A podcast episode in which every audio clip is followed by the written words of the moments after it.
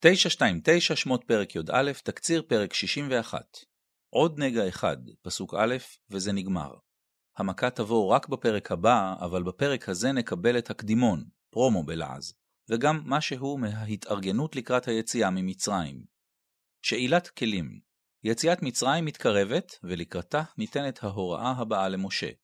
דבר נא באוזני העם, וישאלו איש מאת רעהו ואישה מאת רעותה, כלי כסף וכלי זהב. פסוק ב'.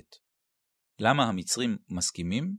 אדוני נתן את חן העם בעיני מצרים, וגם מעמדו של משה במצרים, אחרי כל מה שאירע בפרקים הקודמים, גבוה מאוד. פסוק ג'.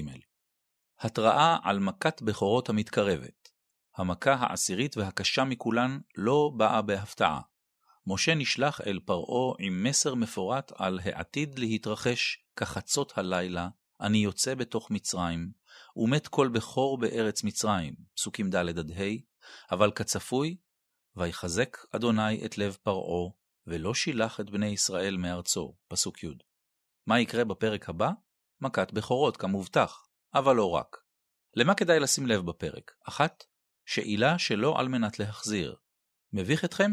את הכתוב כנראה לא, אבל בתלמוד במסכת סנהדרין דף צדי א', מופיעה דעה המתמודדת עם העניין ורואה בכלי הזהב וכלי הכסף תשלום הוגן על שנים של עבדות.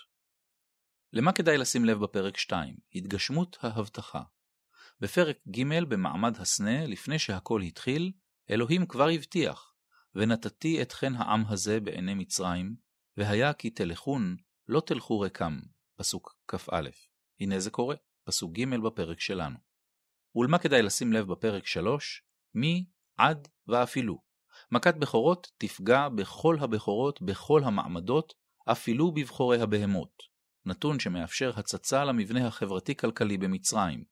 המעמד הנמוך ביותר הוא השפחה אשר אחר הרחיים, פסוק ה'. את התקציר כתבה מרים בלומנטל.